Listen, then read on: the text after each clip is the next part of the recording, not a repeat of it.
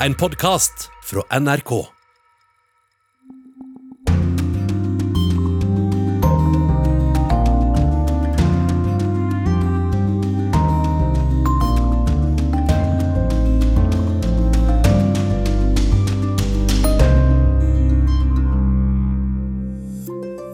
Fredsprisen går til menneskerettsarbeid i Ukraina, Russland og Belarus. Vi skal bli bedre kjent med prisvinnerne. Nyvalg i Danmark. Sjuke minker har gjort livet vanskelig for statsminister Mette Fredriksen. Flere og flere blir heimløse i Storbritannia. Greier ikke å betale husleia si. Snart klart for klimatoppmøte i Egypt. Er det rom for ei klimakrise midt oppi alle andre kriser som nå dominerer den internasjonale agendaen? I Urix på lørdag skal vi også høre om eksport av narkotika fra Syria, og om økonomisk krise på Sri Lanka. Korrespondentbrevet kommer fra Rio de Janeiro. Velkommen til sendinga. Her i studio er Eivind Molde. Vi starter Urix på lørdag med Nobels fredspris, og skal straks bli litt bedre kjent med de tre vinnerne av prisen i Ukraina, i Russland og i Belarus.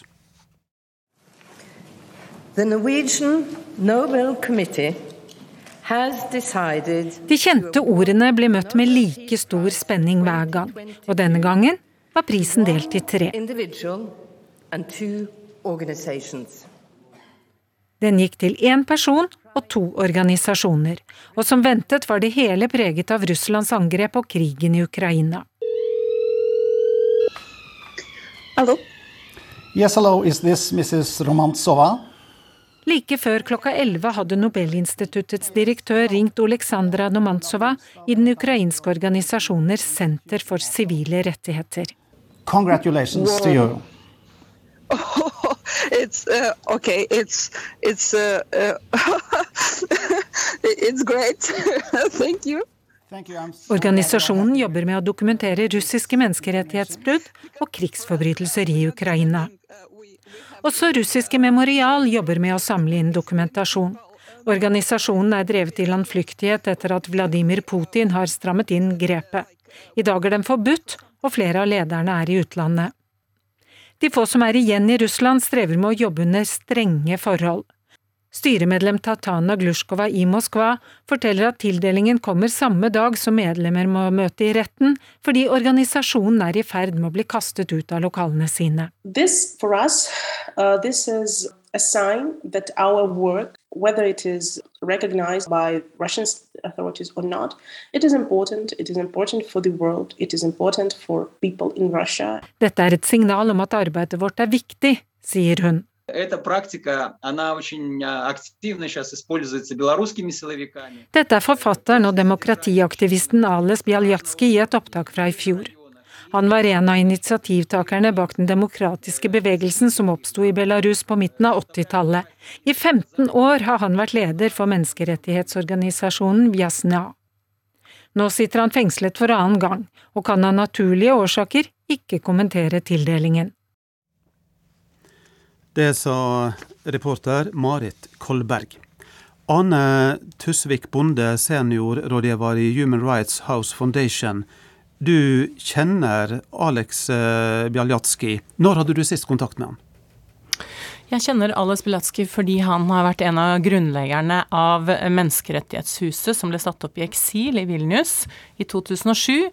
Og det ble satt opp i eksil nettopp fordi det var ikke mulig å drive menneskerettighetsarbeid og samle seg inne i landet. Jeg hadde sist kontakt med han etter demonstrasjonene, de store massedemonstrasjonene i august 2020, etter presidentvalget, hvor hundretusener gikk ut på gata nettopp fordi de hadde fått nok av Lukasjenkos styresett. Og da var alles utrolig glad for at det endelig var så mange mennesker som var med og krevde at Belarus skulle bli et, et fritt land. Jeg hadde også kontakt med han senere da det var razziaer mot flere av kontorene til organisasjonen han driver, Vjasna, inne i Belarus i 2021. Og som vi vet så ble han senere da fengslet i juli 2021. Hva vet du om situasjonen for Bjaljatski nå? Det som er veldig vanskelig, er at vi får veldig lite informasjon fra fengselet. Det er ingen som hører fra ham. Sist han satt fengslet, mellom 2011 og 2014, så eh, brev, skrev vi flere brev til han og kort, og vi fikk også eh, kort og livstegn tilbake fra han. Nå hører ingen noen ting. Og det sier egentlig noe om situasjonen for alle de politiske fangene som sitter. Det er nå over 1300 politiske fanger i Belarus etter som er blitt slått ned på, fordi Belarus er en politistat, og de har arrestert enormt tusenvis av folk etter, eh, etter valget i 2020. Eh, og de sitter, de politiske fangene, de sitter under svært vanskelige kår. De har ikke tilgang til eh, å møte familiene sine. De har ikke tilgang på, på luft eller i det hele tatt de har veldig vanskelige humanitære forhold. Og den isolasjonen de sitter i, er også eh, brukt for å knekke dem. Så en slik pris er utrolig viktig, ikke bare for Alice Bilatski, men for alle de som kjemper, som sitter inne, som er arrestert, og de som har flyktet fra Belarus de siste årene. Du kjenner også godt til Center for Civil Liberties, eller Senter for sivile retter, i uh, Ukraina. Hvordan arbeider den organisasjonen? Center for eh, Civil Liberties de uh, arbeider De er en uh, jeg vil si en grasrotorganisasjon som alltid har vært opptatt av å mobilisere bredt. Eh, de var virkelig et samlingssted å komme til deres kontor eh, under Euromaidan. Det var de som samlet aktivistene, og som startet SOS Euromaidan sammen med andre menneskerettighetsorganisasjoner. De har alltid vært opptatt av å observere demonstrasjoner. De har vært opptatt av å eh, drive påvirkning mot myndighetene for å sikre reformer. Så sammen med andre menneskerettighetsorganisasjoner i Ukraina, så har de vært med på å gjøre Ukraina mer demokratisk. Eh, etter den fullskala krigen startet, så begynte de også å dokumentere krigsforbrytelser over hele Ukraina sammen med andre organisasjoner i en koalisjon. Men de hadde allerede erfaring med det. Som lederen Aleksandra Matvitsjuk sier, så hadde hun dokumentert tortur, forsvinninger, arrestasjoner i Øst-Ukraina og i okkuperte Krim fra 2014. Så jeg tenker at det som også er viktig å merke seg med de ukrainske menneskerettsforkjemperne, er at de er utrolig slitne. De har jobbet døgnet rundt siden før Euromaidan, og de står på fortsatt midt i en krig. De har et utrolig pågangsmot. Eh, kan du si noe kort om hvordan, det er, hvordan vilkårene er for å drive menneskerettsarbeid i Ukraina? Ja, det er jo også angrep. Det har vært angrep på eh, aktivister, særlig de som jobber mot korrupsjon i regionene, før, eh, før krigen. Eh, og eh, det er stadig sånn at menneskerettighetsorganisasjonene sier at de må jobbe konstant for å sikre at man ikke ser tilbakeskritt. Eh, så de, det jeg tenker er fantastisk, er at de eh, står ikke tilbake for å kritisere myndighetene, også under en krig. De sørger for at Ukraina følger demokratiske prosesser, som er så viktig nettopp for å bli et demokratisk land, for å sikre at man har en rettsstat, og for å sikre at man får bukt med korrupsjonen. Takk for at du eh, kom i studio, Arne Tusvik, bonde i Human Rights House Foundation. Vi skal videre til å snakke om Morial, som også får fredspris. Korrespondent Gro Holm i Moskva, hvordan er reaksjonene fra russiske styresmakter? Ja, Putin har ikke kommentert det selv, han feiret jo bursdagen sin i går. Eh, men fra medlemmer av nasjonalforsamlingen har det kommet kommentarer. Eh, en, eh, en representant i Underhuset i Dumaen, Anatolij Wassermann, sier at han, han sier at Nobelkomiteen driver med kronisk svindel, og at Memorial har, driver med bevisste løgner når det gjelder den historiske perioden som noen kaller epoken for masseundertrykking, altså Stalin-perioden. Eh, det, det, det, sier han. Og så har vi en annen senator eh, altså fra, fra Overhuset, fra Føderasjonsrådet, Aleksander Barsken, som er medlem av konstitusjonskomiteen. og Han sier eh, at fredsprisen er blitt altfor politisert, akkurat som Den olympiske komité. Og han sier at eh, denne prisen er uttrykk for russofobi og absurd teater.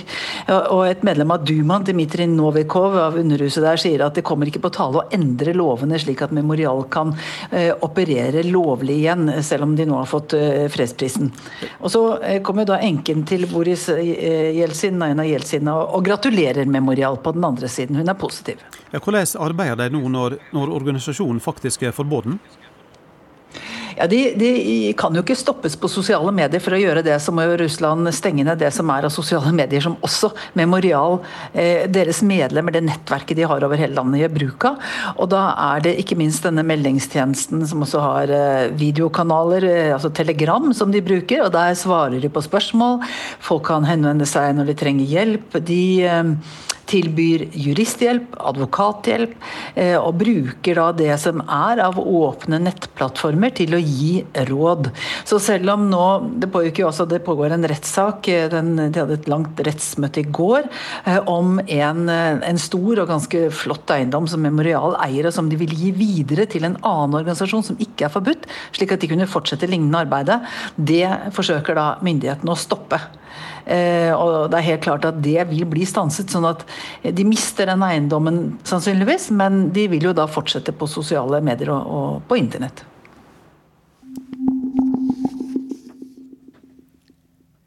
Gro Holm eh, i Moskva, du er fremdeles eh, med oss. For um, som vi har hørt i Dagsnytt, så brenner det kraftig på brua mellom Krimhalvøya og Russland nå i dag. Hva kan du si om årsaker til eh, denne brannen? Ja, Den russiske nasjonale komiteen for bekjempelse av terrorisme de har uttalt at det var en lastebil som eksploderte. og Det er også lagt ut en video som skal vise en lastebil som kjører nedoverbakke på, altså på, på brua. Eh, er, man kan ikke se av det bildet om det faktisk er den lastebilen som forårsaker eksplosjonen. Men, men at eksplosjonen starter, eller i hvert fall skjer noe på den delen av denne forbindelsen som er veibru, det synes ganske sikkert. Det er en fire firefeltsvei. Eh, og så har det da tatt fyr også ganske et godt stykke høyere oppe. I sju jernbanevogner, sier russiske myndigheter, eh, lastet med brensel. Eh, det er uklart om det var diesel eller bensin, men i hvert fall drivstoff. Uh, og, og, og, Det er de brannene som har fortsatt ganske lenge. Det finnes noen bilder nå som tyder på at brannene kan være slukket eller nesten slukket, men, men, det er store ødeleggelser. og En bit av brua ligger jo nede i vannet, så den er helt umulig å bruke. altså den veibrua. Og også jernbanebrua, det er dobbeltsporet jernbane der, uh, er veldig, ser veldig utbrent og ødelagt ut. Hva blir sagt om dette fra russiske styresmakter? Ja, det er jo da dette at det skal være, ha vært en eksplosjon i en, i en lastebil. og eh, De fleste kommentarer går jo ut på at dette er en terroraksjon fra ukrainsk side. At det er et angrep. og eh, Den ukrainske presidentens talsmann, talsmann Mikhailo Padalko han sier at eh, dette er bare begynnelsen, og vi vil, eh, vi vil, ramme alt som er ulovlig. For ukrainske myndigheter ser jo på denne veiforbindelsen som en ulovlig eh, veiforbindelse bygget eller åpnet i 2018. altså altså eh, fire år etter at Russland annekterte eh, Krim. Så, eh, og, det vil jo ja, det vil jo bli gransket fra russisk side mer hvem som står bak dette her. og Mest sannsynlig så vil de jo da konkludere med at dette er en sabotasjeaksjon fra fra ukrainsk side. Det, det, har jo vært flere eksplosjoner, bl.a. på flyplasser eh, på Krim, eh, som tilskrives ukrainsk sabotasje. Takk skal du ha, Gro Holm. Du følger med på dette utover dagen.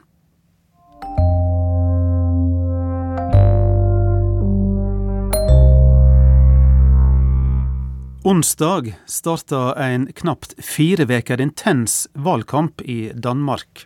Da skrev Mette Fredriksen ut valg sju måneder før hun egentlig trengte å gjøre det. For bare et par år siden var den sittende statsministeren nærmest genierklært. Men så blei noen minkar sjuke, og siden hadde egentlig bare peka nedover for Mette Fredriksen. Kan valget redde ettermælet hennes, eller vil danskene nå ha en ny kurs? At vi skal bli et bedre land. Skal bli bedre til å passe på hverandre og, og sånn noe. Det forteller Noah, en ung gutt som havnet midt i valgkampåpningen på Høybro plass i København onsdag denne uken. Da var det klart, det blir folketingsvalg i Danmark 1.11. Han har et favorittparti, men det får vi ikke vite. Det kan jeg ikke uttale meg om. Det må også være det riktige svar. Men Noah har mange å velge mellom. Det er 14 partier som stiller til valg. Det er 14 valgkampapparat som de neste dagene rulles ut over hele Danmark. Alle ventet på de forløsende ordene. Og Derfor har jeg i dag meddelt Hennes Majestet Dronningen at det utskrives valg til Folketinget. Var dette Mette Fredriksens avskjedssøknad, eller kan hun klare det ingen sittende statsminister har maktet på 15 år i Danmark, å vinne et valg? Og hvorfor kommer det nå, lenge før hun måtte? Vi reiser tilbake i tid, til tiden da Pål Nyrup Rasmussen var sosialdemokratisk statsminister i Danmark.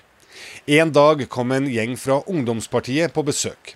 Etter at de var ferdige med omvisningen, skal Rasmussen ha henvendt seg til en ung nordjyde og sagt En dag vil dette kontoret være ditt. Den unge politikeren var Mette Fredriksen fra Aalborg. Som 24-åring i 2001 ble hun valgt inn i Folketinget, og ti år senere ble hun dansk arbeidsminister, og klatringen mot toppen hadde startet. I 2015 tok hun over som partileder etter Helle Thorning-Smith. Nå skulle mye endres. Forgjengeren likte godt å ta selfie med statsledere, f.eks. da hun knipset i vei bilder av seg selv, Barack Obama og David Cameron under Nelson Mandelas minneseremoni. Hennes forkjærlighet for dyre klær, sko og ikke minst vesker hadde gitt henne tilnavnet Gucci-Helle. Det var ikke sagt med positivt fortegn. Vi har jo stillet oss den eh, historisk eh, oppgave uh, å lave en uh, politisk forståelse, en politisk fellesmengde. Mette Fredriksens stil var en ganske annen, med en bred nordjysk dialekt. Fra en arbeiderklassefamilie med en far som var fagforeningsmann. Utdannelse innen administrasjon, samfunnsfag og Afrikastudier. Med valgslagordet 'Nå er det Arnes tur' og plakater av den 59-årige bryggerimedarbeideren Arne Juel fra Fjellstrup sør i Danmark ble det lovet en ny pensjonspolitikk. Det var den viktigste saken, og sosialdemokratiet vant valget. Mette Fredriksen ble statsminister. Det dannes en sosialdemokratisk regjering i Danmark. Så kom koronapandemien. Den nye statsministeren skulle lede landet gjennom en krise, og det startet riktig så bra. Strenge tiltak førte til at Danmark sammen med Norge og Finland var blant landene i Europa med absolutt minst smitte og minst belastning på helsevesenet. Sosialdemokratiet så 30-tallet på meningsmålingene. Kommentatorer påpekte at det virket som om Mette Fredriksen var i stand til å gå på vannet. Men det var før noen mink på Nord-Jylland ble koronasyke. Helsemyndighetene i Danmark fryktet at muterte varianter fra mink skulle spre seg til mennesker. Det måtte handles raskt, men hastverk er som kjent lastverk. Regjeringen med Mette Fredriksen i spissen besluttet at all dansk mink skulle avlives. Det skjedde omtrent over natten. Tusenvis av familier som hadde livnært seg som minkavlere, sto tilbake og spurte seg hva skal vi leve av nå? Vi er gått i en stor uvisshet om vår fremtid. Men det var ikke bare det. Først var instruksen ulovlig. Så hadde Mette Fredriksen slettet sin SMS-utveksling med embetsverket i forkant av at instruksen ble gitt. Danskene ga henne tilnavnet Slettemette. Populariteten dalte.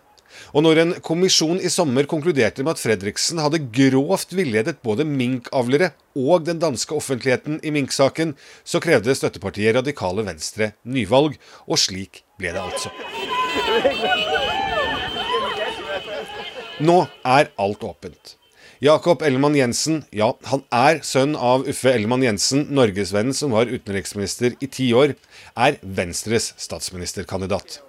Søren Pape Paulsen, fra et konservativt folkeparti som har reist seg som en fugl føniks fra asken, eller sperregrensen, er den andre motstanderen. Altså, Er det en samlet uh, borgerlig blokk som går inn i denne valgkampen? Ja, det er det i den grad. Stemningen er riktig, riktig god iblant oss. Og vi, vi vil bare gøre alt for at vi får en annen statsminister. Hvem det så skal være, det skal vi nok bli enige om bagefter. Men der skal en ny statsminister til, og det kommer vi til i fællesskab å kjempe riktig hårdt for.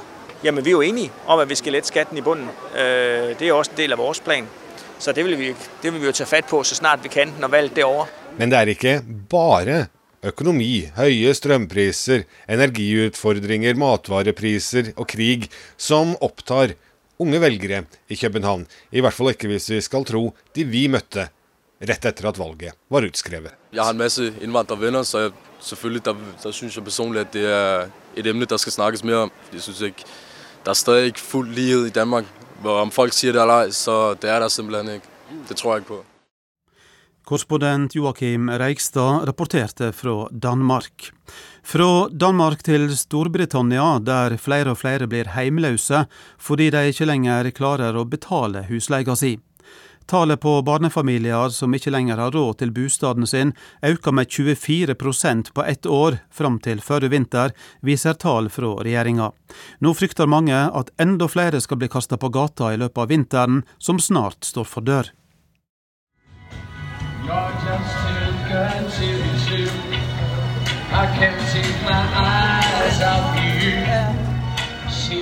Du er for god til å være sann. Musikken tyter ut av et utested i Liverpool sentrum, midt på dagen.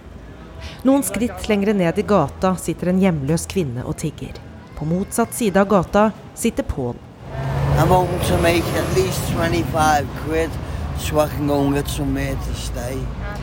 Paul håper å få minst 25 pund, så han kan kjøpe seg en seng for natta et sted. Jeg teller seks tiggere bare på den korte turen fra togstasjonen og ned til havna. De fleste har soveposer og annet stæsj med seg, noe som tyder på at de ikke har et sted å bo. Et halvt år på gata tar på. Paul er sliten. De fleste går rett forbi ham. Under pandemien fikk hjemløse bo på hotell, og utleiere fikk ikke lov til å kaste ut leietakere som ikke lenger hadde råd til å betale leien. Men disse tiltakene er borte nå, samtidig som alt blir veldig mye dyrere. Det begynner å synes i statistikken. Regrettably, we're seeing the first signs of the cost of living pressures here, that the numbers who are sleeping out on the streets here are starting to go back up. And our fear is that in the winter coming, because of much higher prices, that we will see homelessness rising once again. Greg Hurst jobber for en organisasjon for hjemløse, Center for Homelessness Impact, og han forteller til NRK om frykten for vintermånedene som nå kommer. Økende priser har allerede ført til at folk som hadde et hjem, er kastet på gata. Mange har ikke råd til å betale for økt leie, i tillegg til dyrere mat, varme og alt annet som koster mer enn før. For lønningene øker ikke i takt med prisstigningen. Det merker lavtlønnede i offentlig sektor godt, forteller Joel Bodmer i fagforeningen Unison, som vi også treffer i Liverpool. So many people working in low paid jobs, people who work in social care, etc., um, uh, struggle to, uh, to pay their bills, so it affects people's real uh, day-to-day lives. So, you know, people who've received uh, inflation, they've received a 10% real terms pay cut are, are really struggling. Um, and so that's an important issue for us. Den økonomiske situasjonen påvirker virkelig folks hverdag. De har ikke råd til å betale regningene sine, sier Bodner. Når prisene stiger med 10% er det i realiteten et lønnskutt når lønna ikke stiger like mye. Nå havner også barnefamilier på gata. Allerede forrige vinter var økningen av disse på nesten 24% fra året før. Nesten 60 000 britiske familier med barn uten et sted å bo, ifølge regjeringens egne tall. Siden da har prisene steget enda mer, og det har ikke blitt noe enklere å finne seg et nytt sted å bo, forteller Greg Hurst i Center for Homelessness. Our fear is it's, this is going to be very tough because when prices rise for basic things like food, um, then, then the people on the lowest incomes um, are most vulnerable to this. So our great fear is that um, people on low incomes are going to find it much harder to find, for example, um, rented properties where, whose prices are extremely high. And for people who are living on low incomes, this may be the difference between survival and crisis. For lavtlønnede kan de økte leieprisene være det som dytter dem ut i krise, sier Hurst. Utenfor et kjøpesenter har en ung kvinne rigget seg til med pikkpakket sitt. Godt pakket inn i boblejakke og teppe bretter hun ut dagens avis. Den forteller om skattekuttene regjeringen hadde planlagt å gi Storbritannias rikeste. Men denne uka ga statsminister Liz Truss etter for det som ble et enormt press, og skrotet de planlagte lettelsene i toppskatten. Hun hadde ikke noe valg etter at både finansmarkedene, velgerne og flere fremtredende partifeller ga tydelig beskjed om at de ikke likte den økonomiske politikken hennes. Men reduksjonen av toppskatten var bare en avsporing, mente statsministeren, som i sin første landsmøtetale denne uka sa at hun holder fast på sine økonomiske reformer for å skape mer vekst i den britiske økonomien. The fact is that the abolition of the 45p tax rate became a distraction from the major parts of our growth plan. That is why we're no longer proceeding with it. I get it, and I have listened. I have three priorities for our economy growth, growth, and growth. First of all, we will lower our tax burden. Cutting taxes helps us face the global economic crisis, putting up a sign that Britain is open for business. Men Liz Truss' politiske krise er ikke over, like lite som folks økonomiske. Paul sier det rett ut. I think the Tories are loaded shit.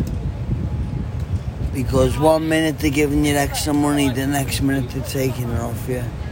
De konservative er noe dritt. Det ene øyeblikket gir de deg noe, og det neste tar de det fra deg, sier han.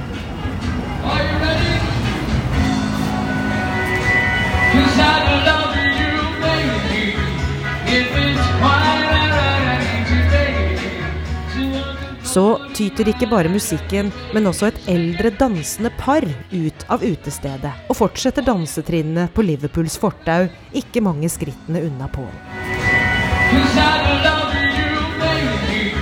I love you baby.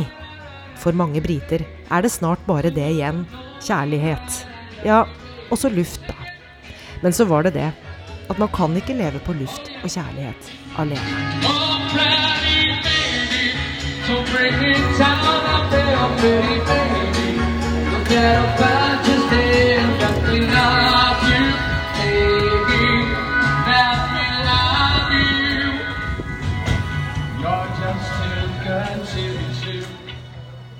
Det var korrespondent Gry Blekastad Almås som hadde vært i Liverpool.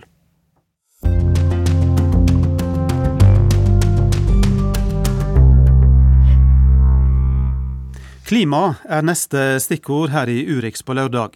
Det er én måned igjen til det årlige store klimatoppmøtet i FN-regi.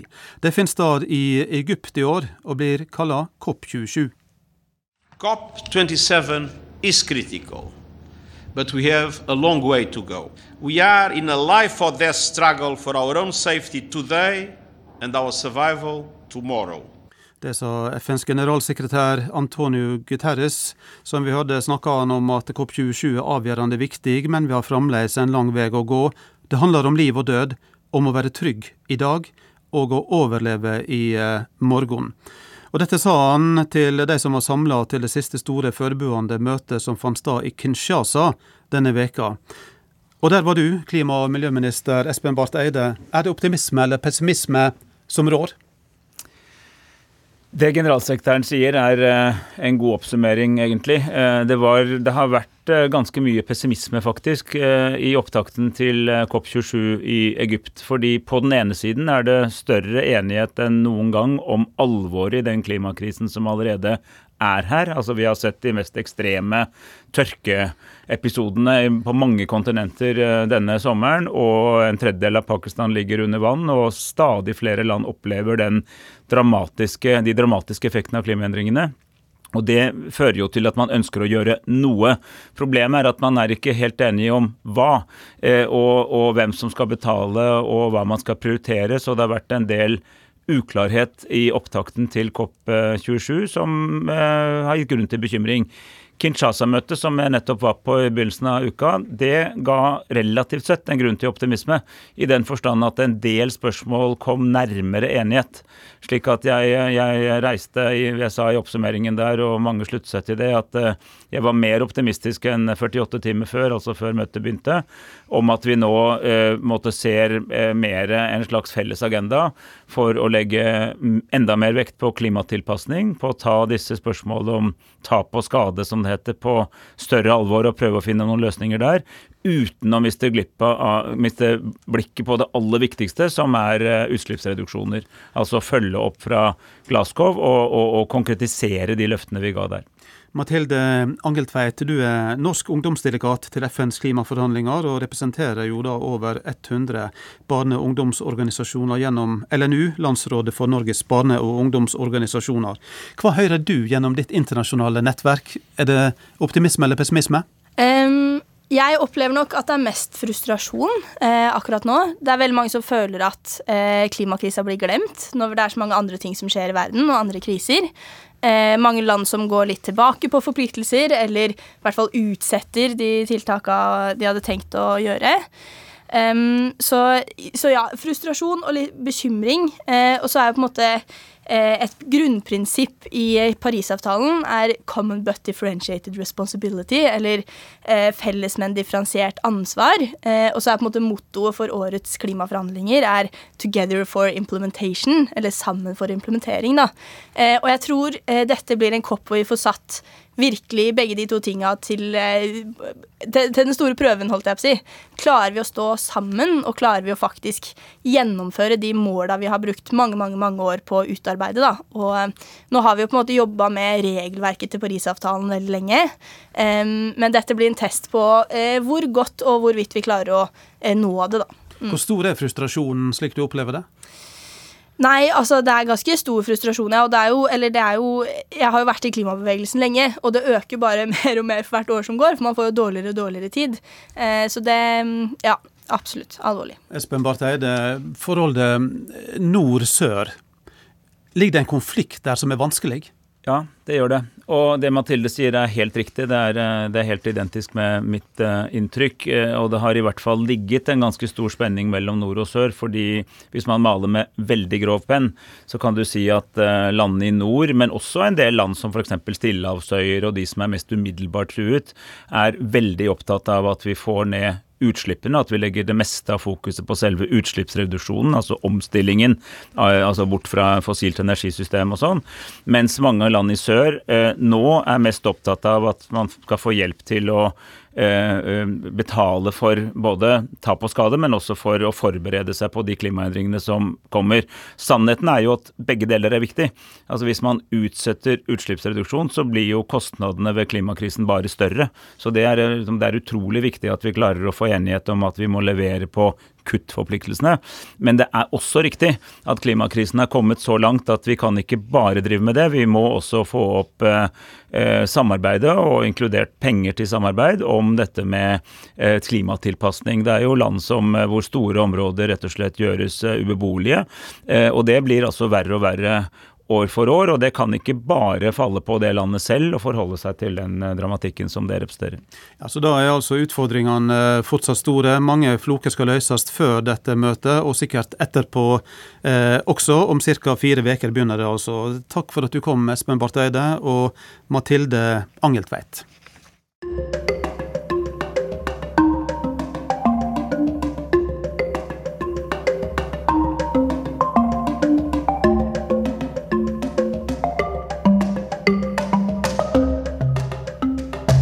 Skal det handle om narkotikaproduksjon og eksport i Syria. Økonomiske problem presser Assad-regimet til å produsere og selge narkotiske piller som blir kalt Kaptagon. Pillene kan sammenlignes med amfetamin. De blir smugla til nabolandene Jordan og Libanon, og så videre til de rike golfstatene. Inntektene fra narkosalet holder det syriske regimet i live, sier sjefanalytiker i, utvik i utviklingskonsulentselskapet SOAR. Nabolandene fortviler, og de står maktesløse pga. dumping av Kaptagon-pillene.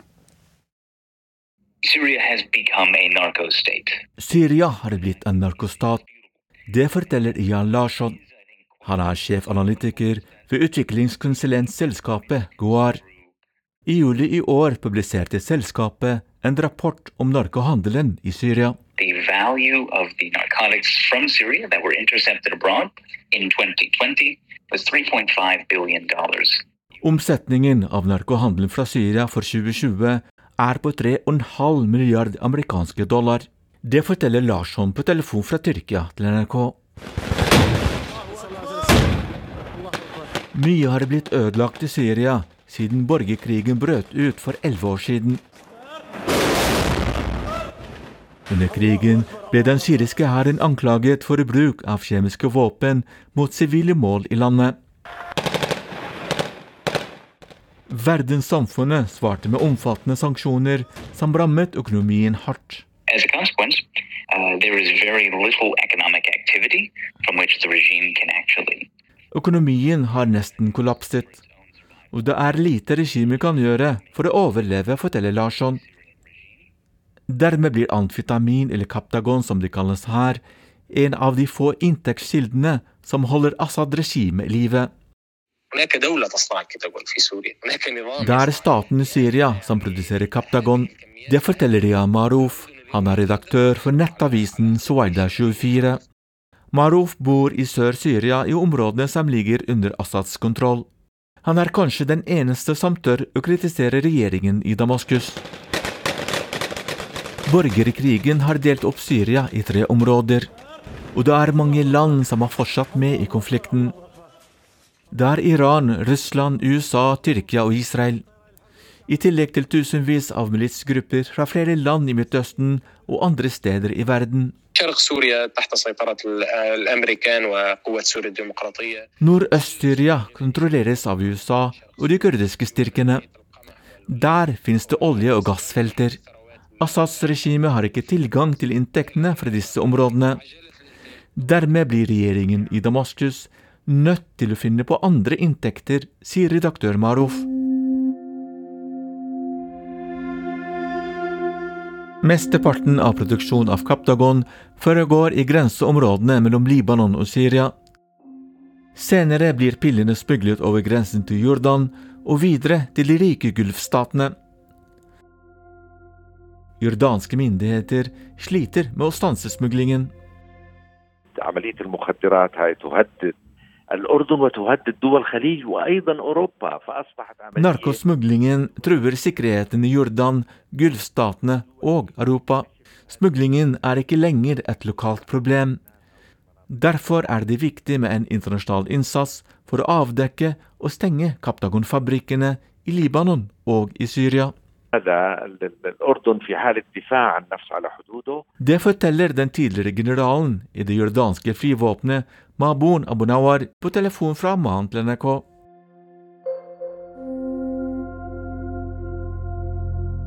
Gjennom flere kilder har vi prøvd å få en kommentar fra myndighetene i Damaskus om Kapdagon produksjon, uten å lykkes. Men den politiske forskeren Osama Dohar i Damaskus lot seg intervjue.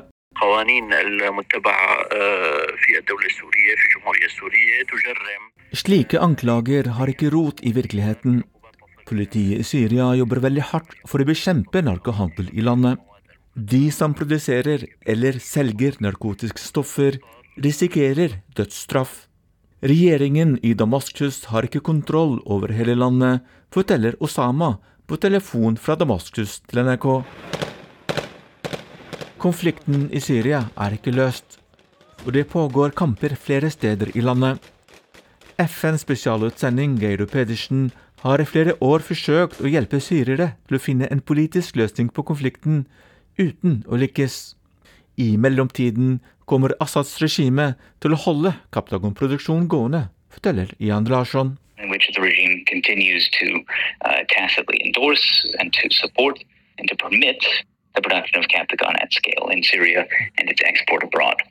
Reporter var Mohammed Alayoubi.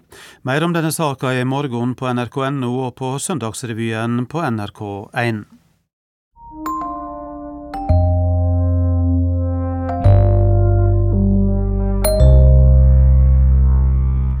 Neste stoppestad er Sri Lanka.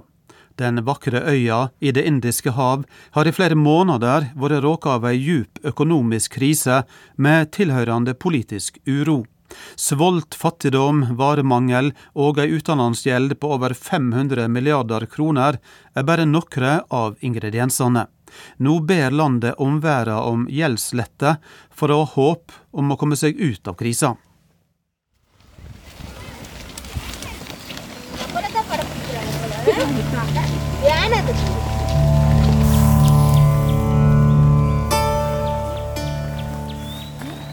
Tjukk, grå tåke henger lavt over et landskap så irrende grønt at det nesten ikke ser ekte ut. Nedover åssida kommer nesten 100 kvinner gående gjennom alt det grønne, med sandaler på føttene og sekker på ryggen. De er tamilske teplukkere som skal ut på plantasjen for å plukke teblader. For dem er hverdagen her alt annet enn idyllisk. Lønna er akkurat den samme som før. 1000 rupi for 40 pund med te.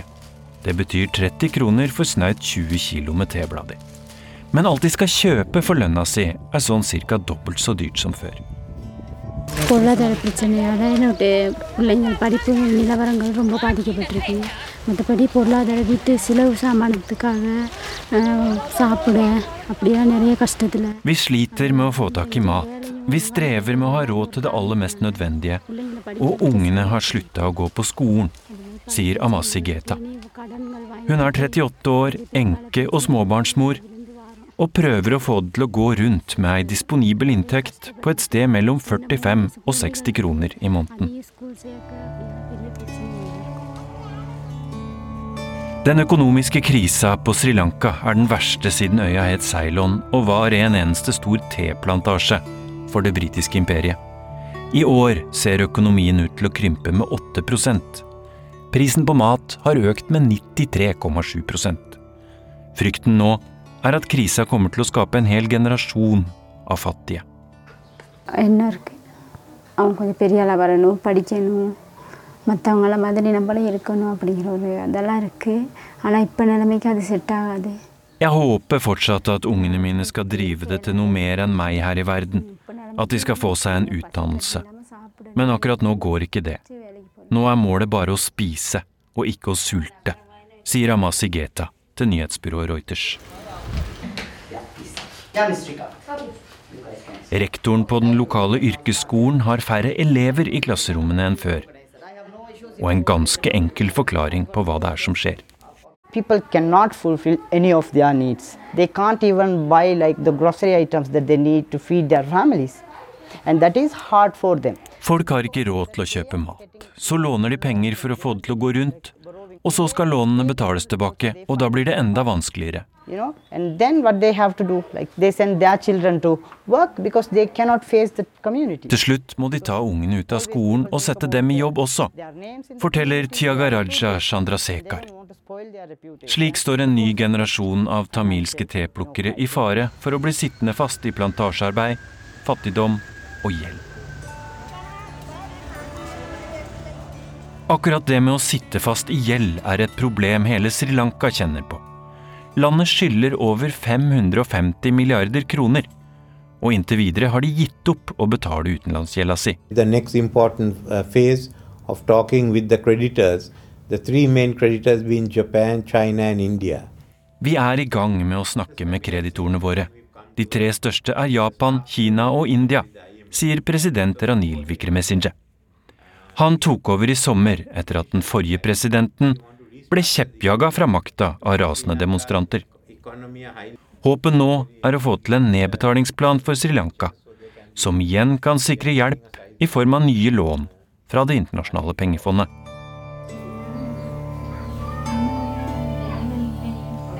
Men hva håpet skulle være for en teplukker langt oppe i de grønne åsene, er litt vanskeligere å få øye på.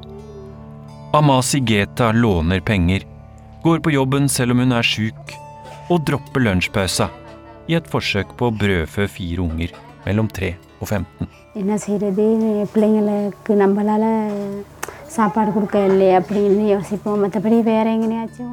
Jeg lurer på hva i all verden jeg skal gjøre. Det eneste jeg veit, er at jeg må mate barna mine, sier Amasi Geta.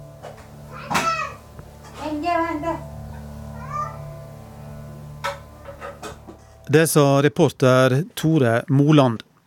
Asia-korrespondent Philip Lote, hvorfor har Sri Lanka havna i et slikt økonomisk uføre?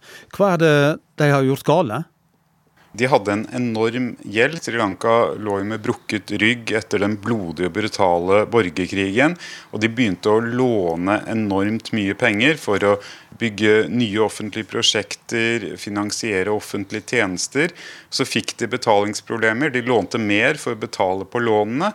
Og så etter hvert så prøvde de rett og slett ved å kutte skattene for å øke forbruket og sånn sett få fart på økonomien, og det fikk da motsatt effekt. Eh, Sri Lanka ble eh, degradert av de internasjonale kredittbyråene, fikk ikke nye lån, de fikk ikke inntekter fordi de kuttet skattene. og Så måtte de begynne å bruke av utenlandsreservene sine, og til slutt i april så klarte de ikke lenger å betjene den gjelden de hadde. Hva gjør landet nå for å komme seg ut av dette uføret? Etter at eh, presidenten nærmest eh, flyktet landet og gikk av, og opposisjonslederen Ranil Wickremesinghe ble president, etter å ha først fungert som statsminister en periode, så håper han nå å få til et kreditormøte i Japan i regi av Det internasjonale pengefondet. Og Det skjer etter at de har tilbudt en pakke på 2,9 eller rundt 30 eh, milliarder kroner.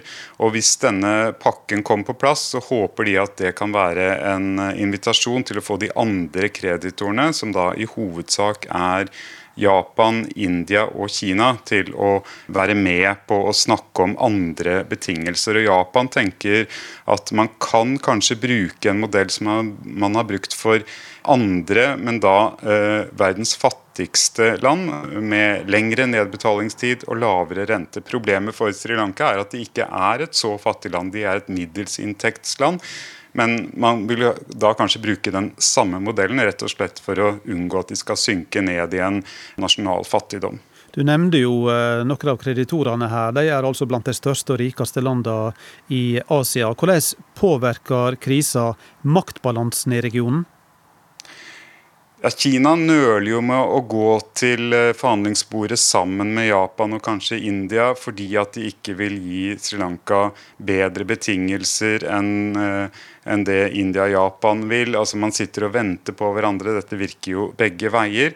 Og så er det helt klart at En del av de prosjektene som uh, Sri Lanka skylder penger på, er jo knyttet til utbygging av offentlige prosjekter som havner, veier osv. Som er knyttet til dette store belte- og veiprosjektet, altså det uh, internasjonale infrastrukturprosjektet til Kina. Så de har jo en interesse i at disse prosjektene blir gjennomført, at de kan begynne å tjene penger på sikt.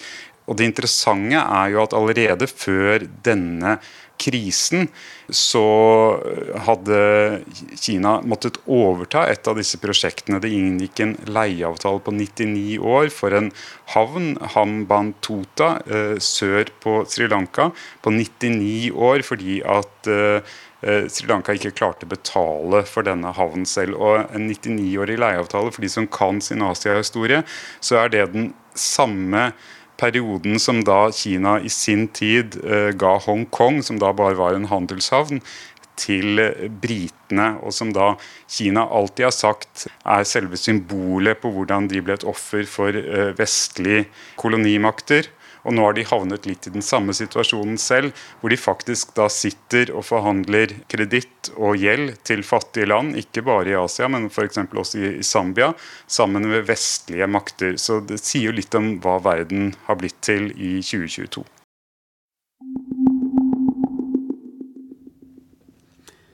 Da er det tid for korrespondentbrevet, som denne veka er skrevet av Arnt Stefansen i Rio de Janeiro. Det er den svarteste stund i hans 72 år lange liv. Fra helikopteret som lander på taket, blir han ført ned to lange trapper til fengselsinngangen. Datoen er 7. april 2018, og Brasils mest kjente politiker, tidligere president Lula da Silva, starter soningen av sin korrupsjonsdom. Foran porten feirer hans motstandere fengslingen med fyrverkeri og taktfaste rop. Lula na kadeia. Lula i fengsel. Mange av dem har ropt dette slagordet i årevis, og de opplever sitt største øyeblikk nå når drømmen endelig går i oppfyllelse. Få ledere på kloden har levd et liv med så store svingninger og så mye dramatikk som Lola. En rask titt på CV-en hans forteller det meste. Skopusser, metallarbeider, fagforeningsleder, partileder, president, fange og nå presidentkandidat. Han ble født inn i den dypeste fattigdom i de karrige områdene i det indre av Nordøst-Brasil. Året var 1945, og han fikk navnet Luis Inacio. Etter noen år forlot faren familien, og moren ble tvunget til å ta en dramatisk beslutning. Da Lola var seks år, tok hun med barna på en 13 dager lang reise i lastebil for å søke et nytt liv i storbyen Sao Paulo i sør.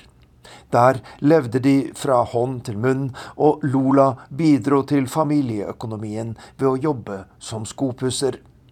Senere tok han fagbrev som metallarbeider og ble en aktiv fagforeningsleder som snart kom på kant med det regjerende militærregimet. Etter en omfattende streik ble han arrestert og tilbrakte 31 dager bak murene. Men diktaturets dager var snart talte, og Lula satset på en politisk karriere som leder for Arbeiderpartiet PT. Han ble valgt inn i Kongressen i 1986, og tre år senere stilte han som presidentkandidat. Men han lyktes ikke, verken ved dette eller ved valgene i 1994 og 1998. Først i 2002 ble han valgt til president, og han styrte landet i åtte år. En periode med stor fremgang for Brasil, da mer enn 30 millioner mennesker tok steget ut av fattigdommen. Og da han forlot presidentstolen, mente over 80% av velgerne at han hadde gjort en god jobb. Men et av hans viktigste valgløfter, å befri landet fra dets store svøpe, korrupsjonen, ble ikke innfridd. Det skulle etter hvert innhente ham med full kraft. I 2016 ble president Dilma Rousef, Lulas etterfølger og partifelle, avsatt ved en omstridt riksrettssak. Da var myndighetene i gang med å etterforske den store korrupsjonsskandalen Lava Jato, Operasjon bilvask, og det var klart at Lula var det viktigste målet for etterforskningen. Jeg visste lenge i forveien at de ville ha meg fengslet, fortalte han meg under et intervju tidligere i år. Da Dilma ble avsatt ved et kupp i 2016, var jeg helt sikker på at neste offer var meg. Målet var å hindre at jeg kunne komme tilbake og styre dette landet og skape et sosialt rettferdig samfunn, sa Lula i intervjuet med NRK. I 2016 ble Lula da Silva tiltalt for å ha mottatt bestikkelser i forbindelse med Lava Jato-saken. Men bevisene var tynne, og de viktigste anklagene var basert på uttalelser fra andre tiltalte som fikk strafferabatt for å fortelle. Likevel ble han dømt til ni år og seks måneders fengsel, og i 2018 startet altså soningen. Et ufattelig fall for Brasils mest berømte politiker. Hvordan taklet han dette, spurte jeg da jeg intervjuet ham. Jeg greide å unngå å hate, svarte han.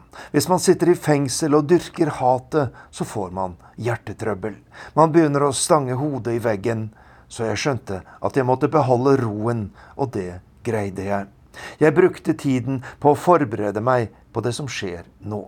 Jeg er svært takknemlig for den internasjonale solidariteten, og jeg takker dem som hver dag i de 580 dagene jeg satt i fengsel, stilte opp utenfor murene for å komme med oppmuntrende tilrop, sa Lula da Silva i NRK-intervjuet.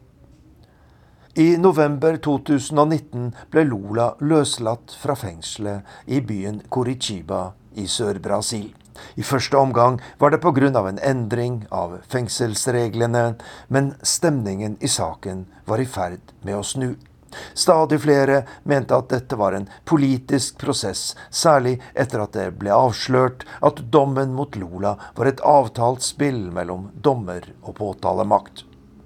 Noen dager senere besluttet Høyesterett å oppheve korrupsjonsdommen og gi den tidligere presidenten hans politiske rettigheter tilbake. En av dommerne kom med knusende kritikk av Lavashato, rettsprosessen der Lula ble dømt.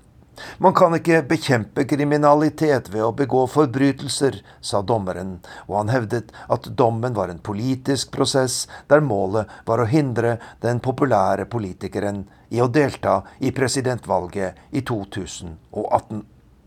Og mange mener at Lula ville ha vunnet valget etter at han ledet klart på meningsmålingene før han ble nektet å stille til valg. I stedet ble hans bitreste politiske fiende, høyrepopulisten Jair Bolsonaro, valgt til president. Nå står altså Brasil midt i en ny, dramatisk valgkamp, der nettopp de to skal møtes til dyst i den avgjørende valgomgangen den 30. oktober. Den første omgangen vant Lula, men på langt nær så klart som de mest kjente meningsmålerne hadde spådd. Man kan si mye galt om politikken her i Brasil, men ikke at den er kjedelig. Ansvarlig for denne sendinga Tore Moland, Lisbeth Sellereite, Ulf Tannes Fjell og i studio Eivind Molde.